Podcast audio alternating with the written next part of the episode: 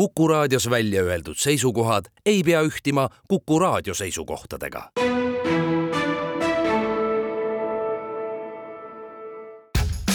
ja nüüd kohe algab Jukuraadio.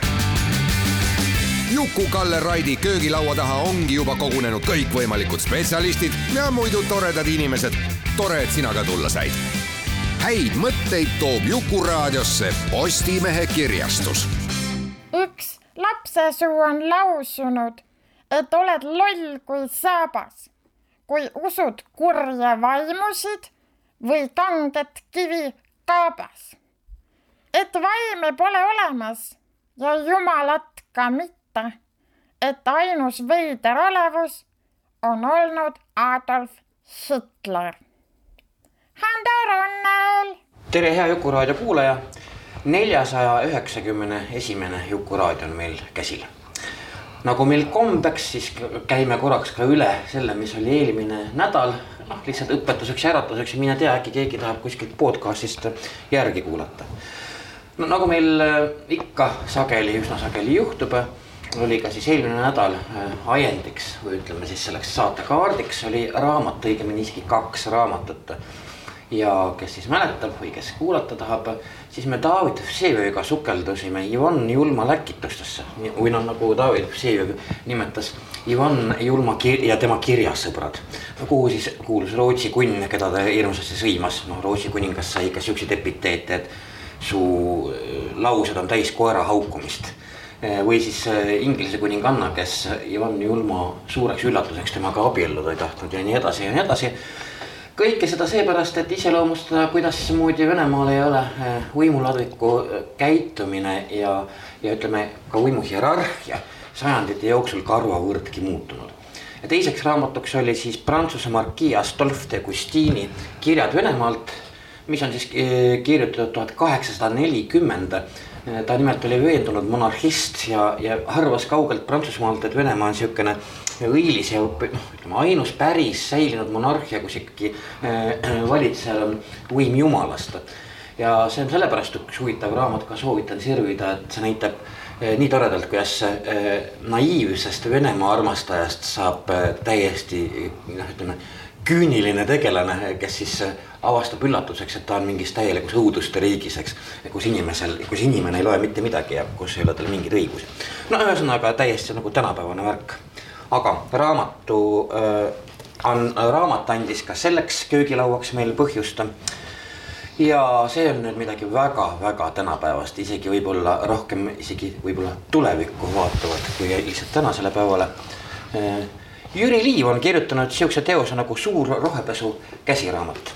no vot viimasest Keskussis siin ma vaatasin sisu korras meil üks toimetaja on kahjuks Jüri Liivi rist, ristinud Peeter Liiviks, aga Jüri, ma loodan, et sa annad selle andeks, tere tulemast, Jüri Liiv. tere, tere no eks ma pean siis Peetri näo pähe tegema.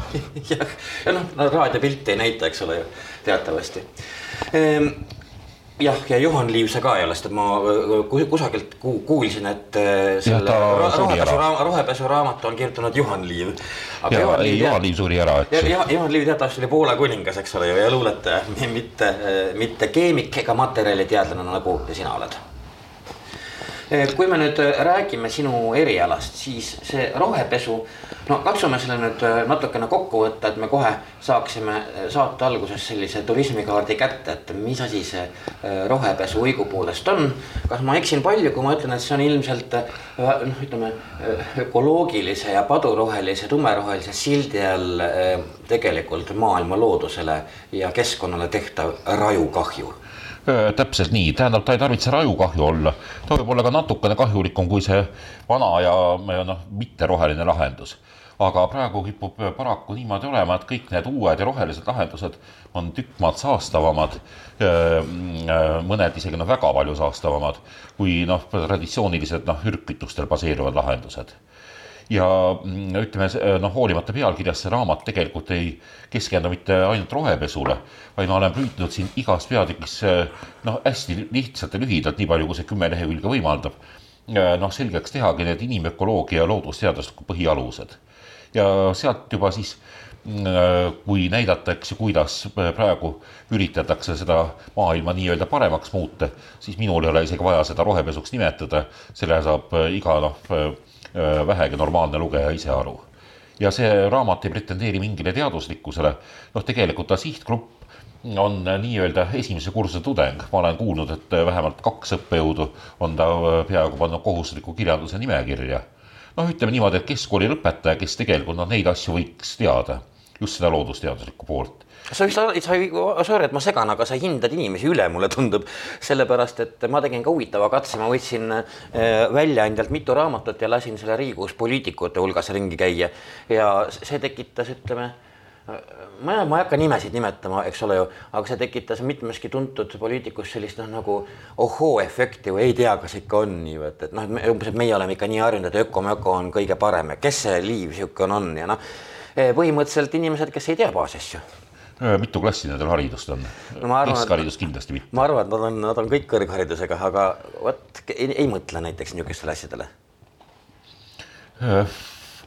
Noh, alati kuluks ära ja noh, tegelikult ma olen just vaadanud, et noh, minu tutvusringkonnas on väga palju kõikvõimalikke karvaseid sulelisi kunstnikke, kirjanikke, noh, inimest, kes ei ole teadusalal, noh, teadusala inimesi on ka muidugi väga palju ja just need on öelnud niimoodi, et et pagana huvitav oli teada saada, eks, et ma tõesti seda ei teadnud, et noh, see keskkooli aeg on ammu möödas ja ega seal keegi noh, füüsika, bioloogia tunnis ei kuulanud, aga näe, nüüd on see äh, lihtsalt paberi peal. ja mm, loomulikult, eks ju, vaata ühes raamatus tervet maailma ei ole võimalik ära kirjeldada, eks ju, kuigi ma püüdsin. isegi Koraan ei suuda seda täpselt aga kuule, tuleme siis äh, korraks, me, me ei hakka raamatut ümber jutustama, sellepärast me ei saa ümber jutustada ka siin äh, juures olevaid graafikuid, jooniseid, no mis on tegelikult jube hea abimaterjal, eks ole ju, kui sa midagi loed.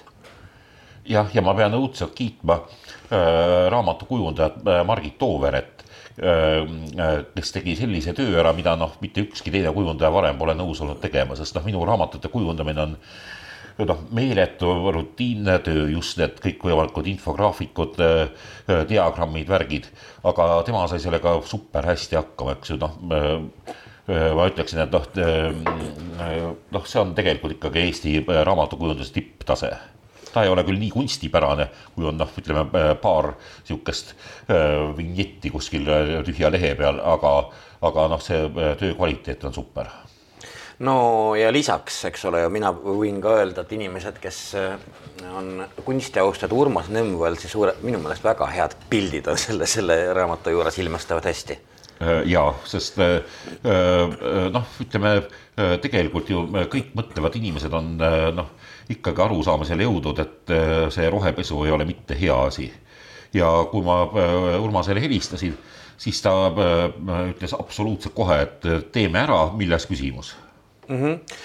no nii, okei okay., äh, pilte ja graafikuid saab silmitseda siis juba, kui suure rohepesu käsiraamat äh, endale soetada. aga Jüri, tuleme nüüd, äh, sa minu meelest alustad siin väga õigest nurgast ja ütleme, rohepesu, mille üks suur osa on vale petmine ja sinu raamatu alguse näide on kohe lihtsalt pakiautomaadist jah, kusjuures seal ei ole tegu petmisega, aga seal ongi eri inimesed on noh, mm, oma sõnumid kokku pannud ja noh, tulemus on ütleme naeruväärne ja võigas. ja tihtipeale ongi niimoodi, et noh, vot tehakse mingisugune niisugune väga roheline idufirma, aga paraku puudub seesamane loodusseaduslik haridus ja kui nüüd keegi võtab, eks ju, asjad kokku ja rehkenduse teeb siis selgub, et tegelikult see ökolahendus on palju-palju hullem kui see traditsiooniline lahendus. nii on nende igatsugu mm, biojoogikõrtega ja riidekottidega ja eriti paberkottidega, mis on noh, ikkagi noh, täiesti saatanast. Ja palju hullemad kui näiteks kilekotid mm. -hmm. no sina räägid, miks, miks see pakiautomaadi näide on väga hea, et sinule potsatas, eks ole ju pakk, kuhu peale oli kirjutatud, mida, et see pakk jõudis sinuni sada protsenti mingi, ma ei tea, rohelist ökot kasutades.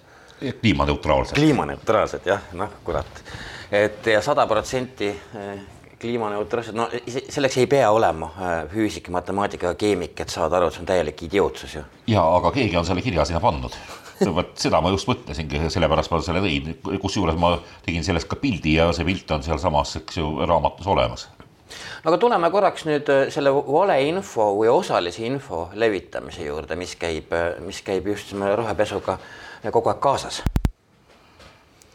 No vaata, üks asi, mis nüüd äh, noh, ütleme inimestele nagu kõige rohkem kipub korda minema, on seesamane elektriautode teema, et et noh, vaata tõesti, kui see elektriauto, eks tee peal sõidab, siis sealt süsihappegaasi tuleb suhteliselt vähe. no ütleme, kummipuru tuleb märkimisväärselt rohkem, sest ta on noh, väga palju, eks ju raskem ja suurema jõumomendiga.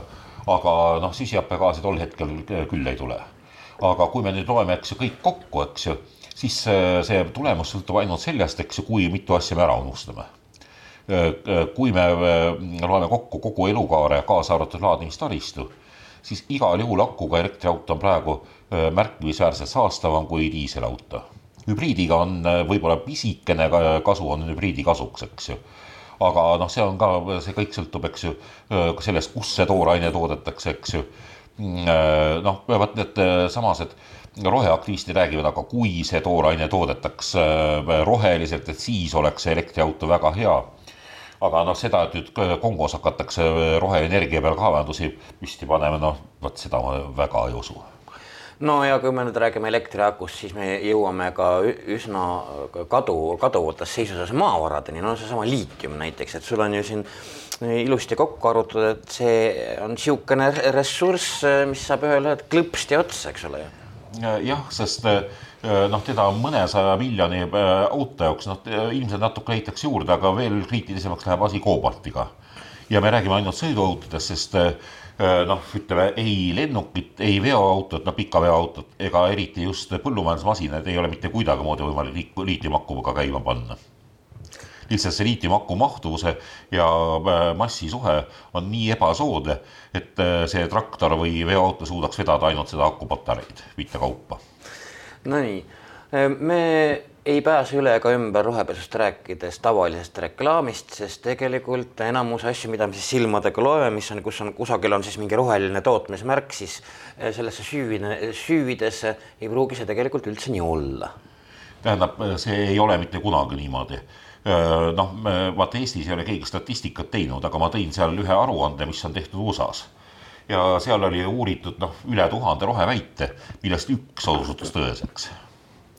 Ja täpselt niimoodi on ka noh, ütleme nii Euroopa kui kohalike brändidega, et kui seda asja hakata nüüd väga põhjalikult uurima, siis ma usun, et noh, noh, isegi hea on, kui ta ei ole saastavam kui see traditsiooniline toode, aga tihtipeale ta kipub olema, sest termodünaamikal on üks väga loll komme, et mida rohkem sa rabeled, seda rohkem sa saastad. kui sa teed midagi äh, keerulisemalt, kallimalt, siis üldjoontes on ka saastus tunduvalt suurem sest äh, sellist varianti, et me nüüd maksame rohkem raha ja saame selle eest indulgentsi, et ühesõnaga nüüd on kõik äh, ilus, puhas ja roheline, see ei ole võimalik.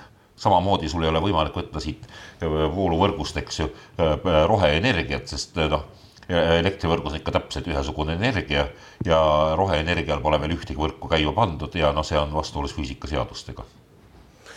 Reklaam on veel selles mõttes, et hästi paljud suurkompaniid äh, valetavad ju, noh, petavad teadlikult oma, oma reklaamides. siin on sul palju näiteid, aga võtame mõned ette, mis sul siin parasjagu meelde tuleb. Äh, noh, kui me räägime siin kohalikest, vot selle ma tõin ka seal raamatus ära, et üks meie kohalik niisugune kohvi reklaamkampaania oli see, et tooge oma kohvipaks bensiinijaama ja siis me teeme sellest roheenergiat ja küll on tore aga ehm, see on asi, mida on väga hea anda arvutuseks esimese kursuse tudengitele. ja mm, põhimõtteliselt eh, kui nad leiavad, et see ehm, nii-öelda roheline lahendus on vähem kui kümme korda saastavam kui tavalahendus, siis nad ilmselt esimest kursust ei lõpeta.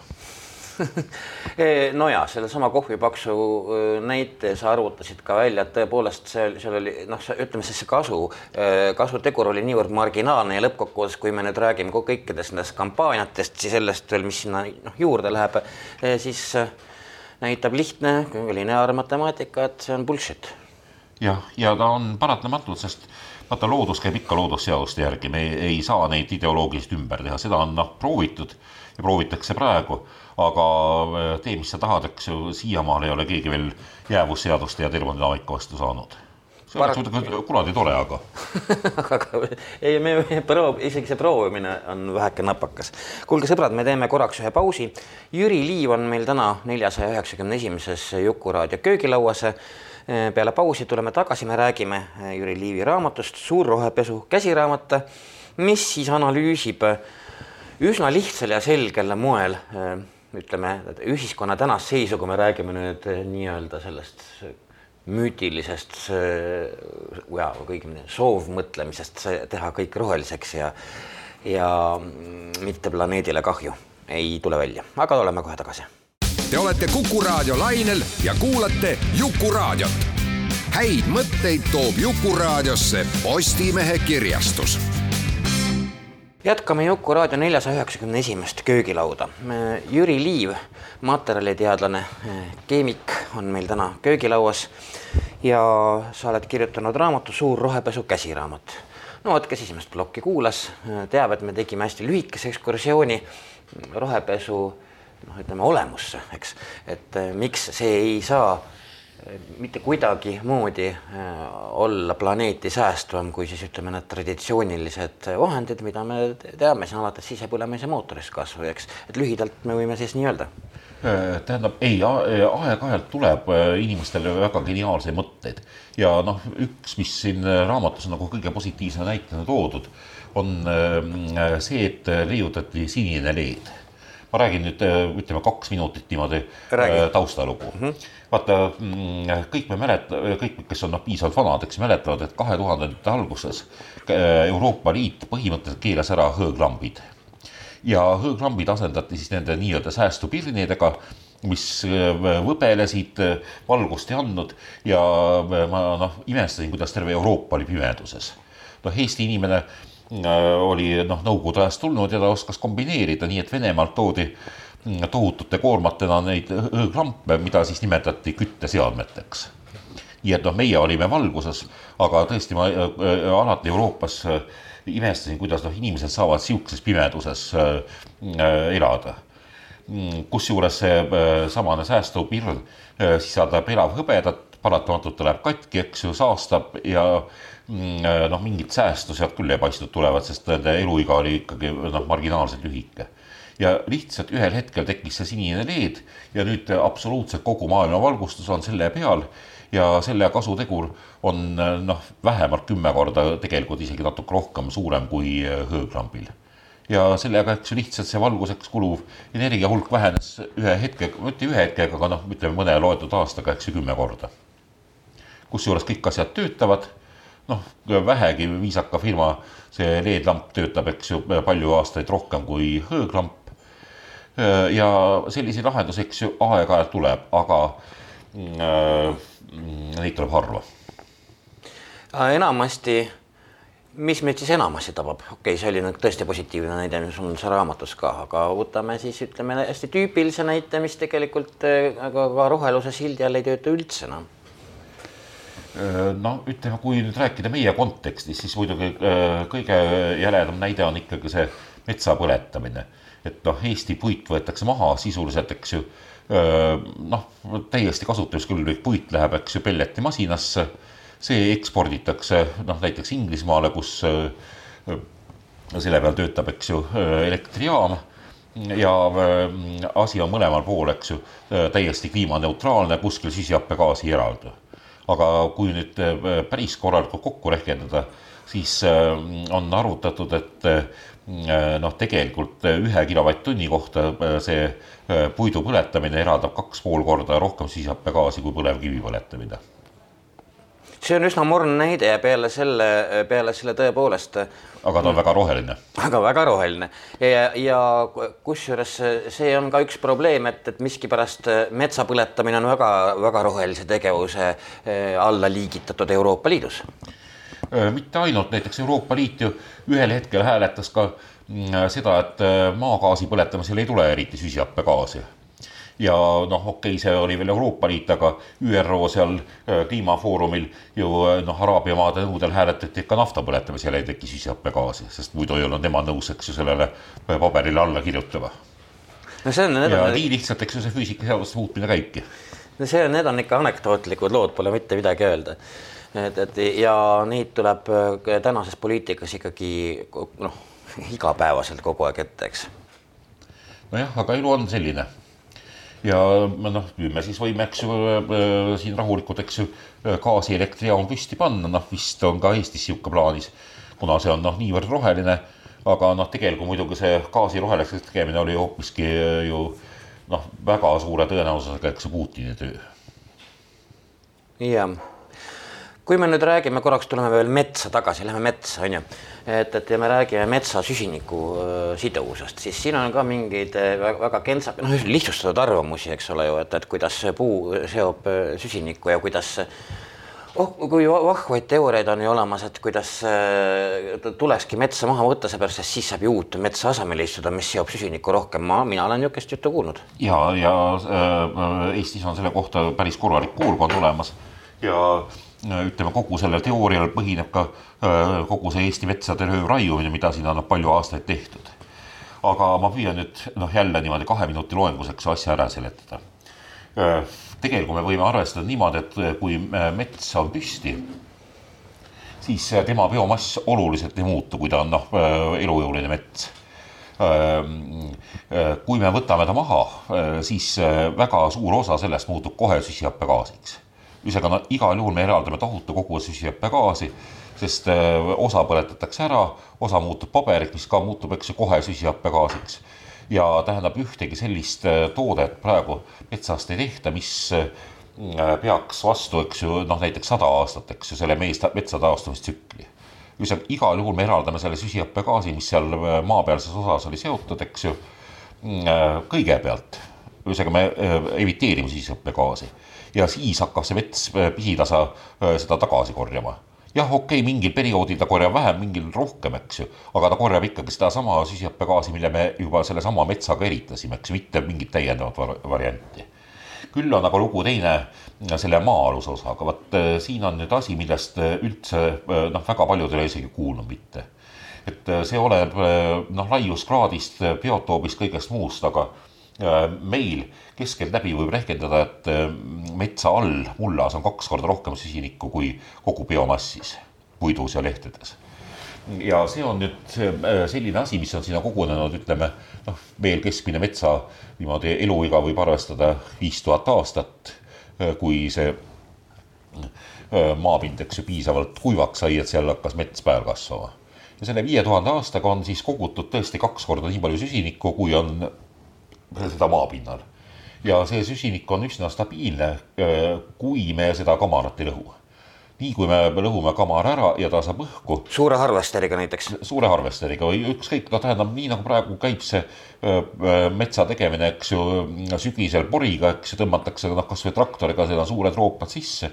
Äh, ja see tähendab seda, et me eraldame selle süsiniku, mis on sinna kogunenud üks aastatuhandetega ja vot selle taastumine on pagana aeglane, me ei tea täpselt, sellepärast et keegi mõõtmisi pole no isegi paar mõõtmist on tehtud siin ühe doktoritöö raames, aga noh, need olid väga põgusad, sest noh, see mõõtmine on tegelikult noh, oleks korraliku niisuguse noh, ütleme kliimadoktori elutöö. Aga nojah, et Eestis ei, selliseid mõõtmisi ei ole, me teame noh, väga hästi, kuidas need asjad on, eks Amazonases. Me teame väga hästi, eks ju, kuidas on, eks ju, see balanss Malaisias. Aga noh, Eesti kohta me saame suhteliselt ainult oletada.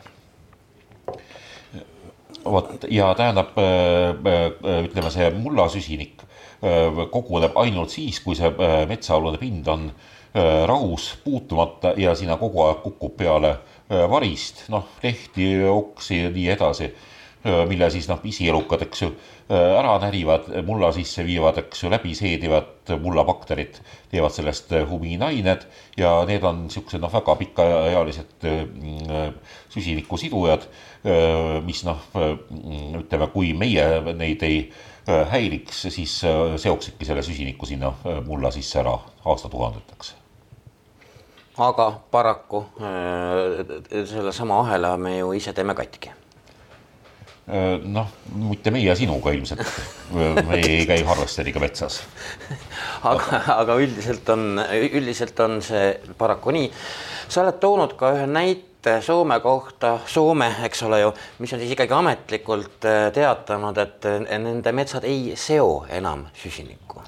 jah, ja ütleme, meil on olukord üsna samasugune, aga võib-olla tsipakene hullem. me ei oska nüüd väga täpselt öelda, noh, soomlased tegid oma rehkendused ära ja nende kliimaminister, eks ju, noh, tegi kurva näo ja ütles, et noh, olukord on nüüd niisugune aga kogu see Euroopa rohepöörde programm on tegelikult selle peale arvestatud, et me võime edasi sõita lennukiga, eks ju, kasutada noh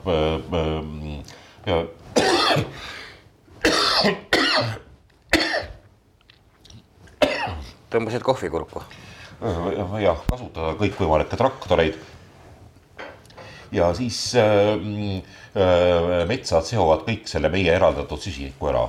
aga noh, tegelikult äh, äh, igalt poolt maailmast tuleb äh, teateid, noh, kasvõi Amazonasest, et ühesõnaga need metsad äh, juba eritavad süsinikku, mitte ei seo enam kus kohas see tasakaalu balanss võiks olla, no ma saan aru, et see on üks üsna keeruline jutt, aga põgusalt võime peatuda vaata, tasakaal võiks tekkida siis, kui õnnestuks inimeste ahtus ära likvideerida, aga selleks on vaja mõnda teist teadlast, mitte loodusteadlast. ahnuse lik-, likvid-, ma arvan, et kõikide liikide ahnuse likvideerimine on võimatu, sellepärast et et eks ikka kõik on küüned, käpad või mis iganes enda poole. jah, aga ütleme niimoodi, et suurem jagu loomi ikkagi. Neil ei ole abivahendeid ja neil ei ole abivahendeid ja nad eh, ei kogu eh, noh, nii palju toitu, mida nad ei jõua ära süüa. no mõned on muidugi tõesti, kes koguvad, eks ju, aga suurem jagu liike ikkagi eh, saab noh, vajaduspõhiselt hakkama. aga inimesel on miskipärast peale seda, kui ta saab esimese miljoni, jõuda selle esimese miljardini ja siis noh, teise miljardini ja noh, nii edasi, nii edasi. et kogu see probleem on tegelikult ikkagi suur äri aga noh, selle likvideerimine ei ole paraku meie võimuses. Suurkorporatsioonidega on ka see, see jama jah, et äh, mida rohkem on raha, seda rohkem nad saavad ka enda kasuks hämada. Ja teisisõnu siis ükskõik ja kasvõi selle rohekleebise oma pesupulbrile peale toppida ja teha nägu, et, et vau wow.. noh, ütleme, et see on veel niisugune suhteliselt süütu tegevus, aga vaata, hullem tegevus on see, kui makstakse kinni kõik vastava ala teadlased ja noh, loomulikult, eks ju, ei jää neil midagi muud üle, kui rääkida noh, ütleme juttu teatud piirides mm. -hmm. no me oleme seda, seda asja näinud ka, see on ka poliitikute puhul poliitikute puhul toimi, toimunud ja toimib, sellepärast et äh, tihtipeale nood, kes siis seadusi teevad, need sa, suurkorporatsioon on võimelised nad ära ostma, mitte kõiki, mitte kunagi, eks, aga on teatud äh, tüüpe, kes lasevad seda rahulikult teha. jah, ja ütleme. Gerhard Schröderi tüüpi inimesed. täpselt ja tegelikult noh, iga partei kogu maailmas tegutsemine sõltub, eks ju sellest, kui palju on võimalik, eks ju, kuskilt altkäemaksu saada. mis tähendab seda, et noh äh, iga poliitik ellujäämiseks, eks ju, on alati nõus sellega, mis see ärimees ütleb. noh, üldiselt. jah, ei laiades piirides see kipub nii olema küll. aga tuleme veel kord metsa, metsa tagasi, et sa mainisid siin ka vihmametsi ja noh, see on ka üks suur probleem, kus siis justkui hea tegemise sildi all keeratakse jube palju sitta kokku, me võime rääkida näiteks niisugusest vahvast asjandusest nagu palmiõli siinkohal Äh, vot see on asi, mis on jälle üks noh, väga kole asi, ma olen äh, juhtunud Malaisias nendesse palmiõliistandustesse, kus äh, noh, ütleme korraliku niisuguse mangroovi džungli asemel on noh, kümnete kilomeetri pikkused rivid neid õlipalme, noh, nad on küll ilusad, eks ju. seal vahel sõidavad siis väiksed veoautod, mis neid vilju, eks ju, edasi-tagasi veavad aga mm, noh, looduse jaoks on see absoluutne katastroof. Mm, aga praegu ikkagi see palmiõli on eh, noh, põhimõtteliselt kõige eh, lihtsamini ja odavamalt kättesaadav eh, taimne õli. Mm, ja kuna noh, vaba maad ju kuskil ei ole, siis noh, selle nimel on maha võetud tohutu hulk nii mangroovimetsa kui ka noh, Amazonase vihmametsa. Ja ütleme niimoodi, et noh, mingi osa sellest palmiõlist läheb noh, toiduainete tööstusele seebi tegemiseks ja nii edasi. aga suur jagu muutub selleks samaseks roheliseks biodiisliks, mis on öko-möko ja mida kõik peavad siis kohustuslikus korras, eks ju, ürgkütuse hulka panema, et siis on asi hästi roheline ja tegelikult muidugi mitte, sest et no sul on ka mingid enam-vähem mingid numbrid käepärast, et kui intensiivne see metsade maharaiumine on, et see näiteks sedasama, sedasama palmiõli toota noh, see, mm, selleks tasub vaadata ainult äh, avalikke satelliidipildid, pilte Amazonasest, eks ju, kus noh, seda metsa lihtsalt enam ei ole. ja ma tean, et siin Eestis, eks ju, isegi noh, mõnele poliitikule mõjus väga hullusti see satelliidipilt, eks ju, Eesti metsade seisust. Mm, äh, kui, kes võtab selle raamatu kätte, äh, seal on see satelliidipilt, kui palju on näiteks Euroopas noh, võimalik valida, eks ju, selline algoritm, et ta näitab ära kõik kohad, kus metsa katvus on viimase kümne aastaga vähenenud rohkem kui kolmkümmend protsenti. ja noh, Eesti ja Lõuna-Soome on täiesti punased see pilt on ikkagi väga-väga kole. See on nüüd üks asi, kui me aga räägime, siis tuleme korraks nüüd jälle mm, selle ahnuse juurde, siis äh, üks asi, mida ökomöko juttu tõsimeeli äh, jahudes ju kunagi ei räägita, on see, et äh, ütleme siis korporatsioonid, kes toodavad vidinaid, olgu selleks vidinaks auto või triikraud või noh, täitsa savi mis Eh, mobiiltelefon, arvuti, toodavad eh, toodavad neid nii, et noh, ta ikkagi enam-vähem kindla peale mingi paari aastaga üles ütleks, eks ole ju, et siis saab ju uue vidina maha müüa. Eh, loomulikult ja seda distsipliini õpetatakse isegi maailma kõrgkoolides, kuidas teha noh, asi täpselt selliseks, et noh, ütlebki üles, eks ju, täpselt selle garantii aja möödudes ja vaata, see on nüüd jälle noh, sõna otseses mõttes, eks ju, Euroopa poliitikute ämber, sest Euroopa Liit siiski on veel päris suur turg ja väga lihtne oleks kehtestada täiesti mõistlikud garantiiajad, noh näiteks mina pakun välja, et pisielektroonikal võiks olla kümme aastat, kodumasinatel näiteks kolmkümmend aastat, noh pesumasinad, külmkapid, värgid. noh autodel ja muudel suurematel asjadel näiteks viiskümmend aastat. ja see on kõik tegelikult teostatav? see on väga lihtsalt teostatav, selleks tuleb paar juppi ära vahetada sest äh, äh, noh, tegelikult eks ju ütleme viiskümmend aastat tagasi tehtud asjad, eks ju töötavad praegu päris kenasti. kuna seal ei ole kriitilistes sõlmedes kasutatud äh, noh, pehmeid plastikküblakaid. aga kui riputada näiteks pesumasina trummel, eks ju,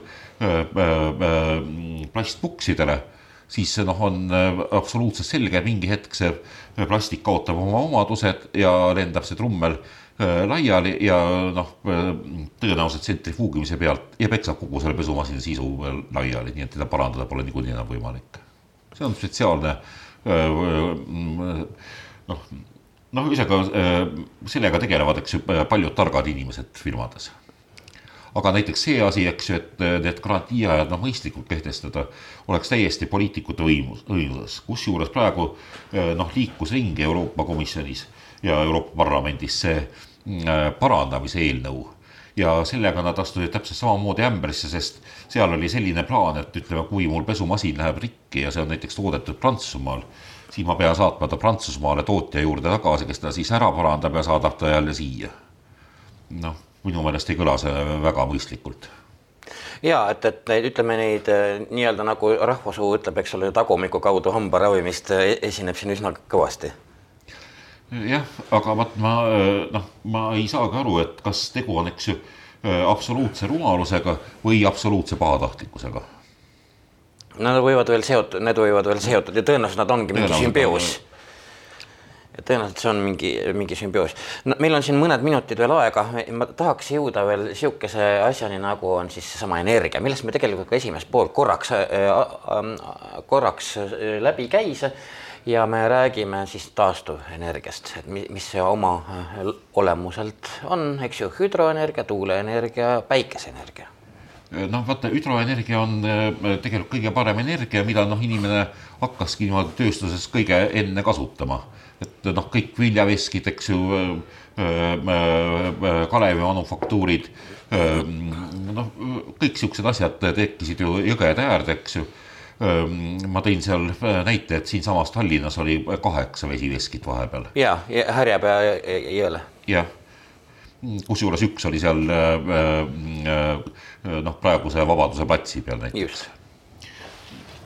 aga paraku on niimoodi, et ei ole enam Härjapea jõge ja kus maailmas, eks ju, see hüdroenergia kasutatav on, seal ta on noh, enam-vähem, eks ju, kõik kasutusele võetud no okei okay,, eks ju kuskil seal Kanada põhjaprovintsides on, eks ju, mõned jõed, kust saaks veel energiat.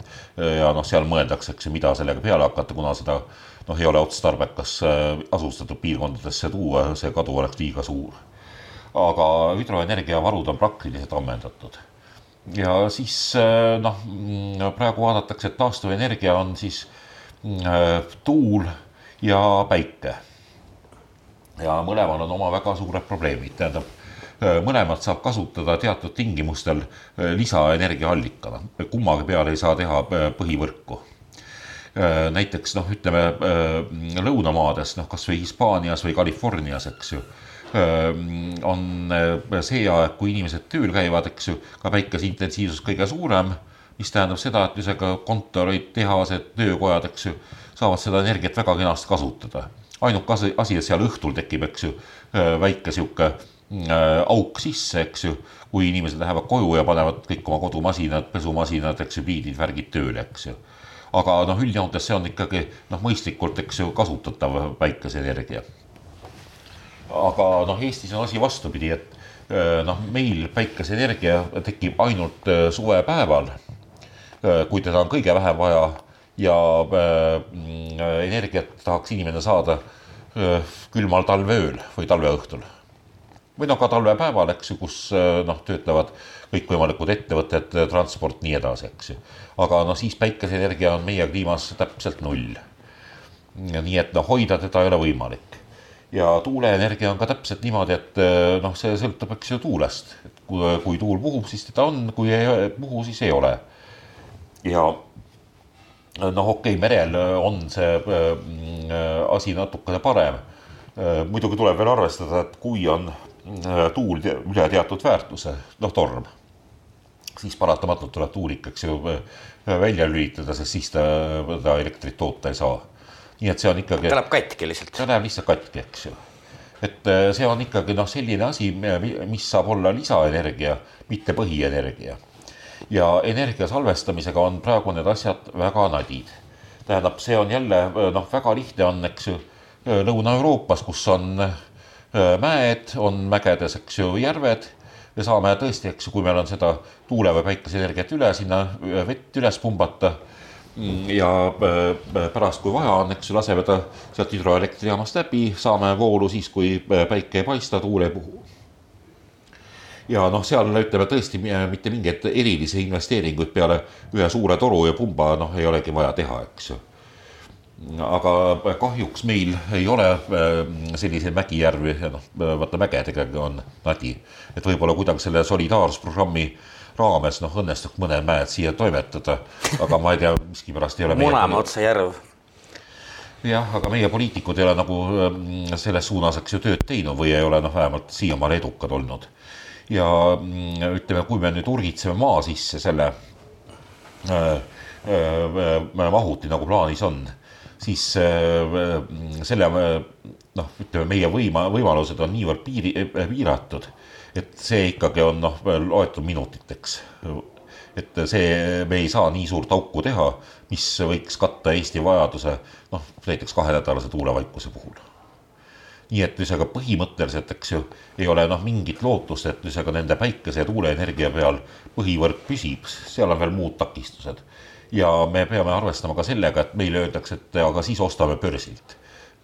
meie naabritel on ju täpselt sama olukord, kui ikkagi noh, päike ei paista, eks ju. ma ei usu, et ta Lätis rohkem paistab kui Eestis talvel. nii ta kipub olema.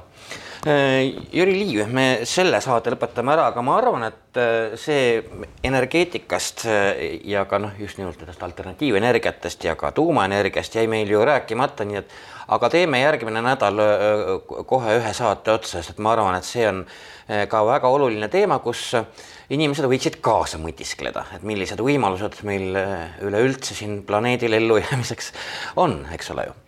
et, et äh, nii kauaks minge poodi ja ostke Jüri Liivi suur rohepesu käsiraamat ja me oleme järgmine nädal tagasi ja siis võtame siis selle energia korraks äh, luubi alla, aga eks me jõuame siis ka veel tuulest ja päikesest ja muudest variantidest natukene täpsemalt rääkida, sest täna on meil aeg lihtsalt otsas. aga Jüri Liiv, suur aitäh sulle täna tulemast ja siis järgmine nädal jälle. jah, pole tänu väärt ja kohtumised. jah yeah.. üks lapsesuu on lausunud, et oled loll kui saabas, kui usud kurje vaimusid või kanget kivi kaabas. et vaime pole olemas ja jumalat ka mitte, et ainus veider olevus on olnud Adolf Hitler. Hando Runnel. häid mõtteid toob Jukuraadiosse Postimehe kirjastus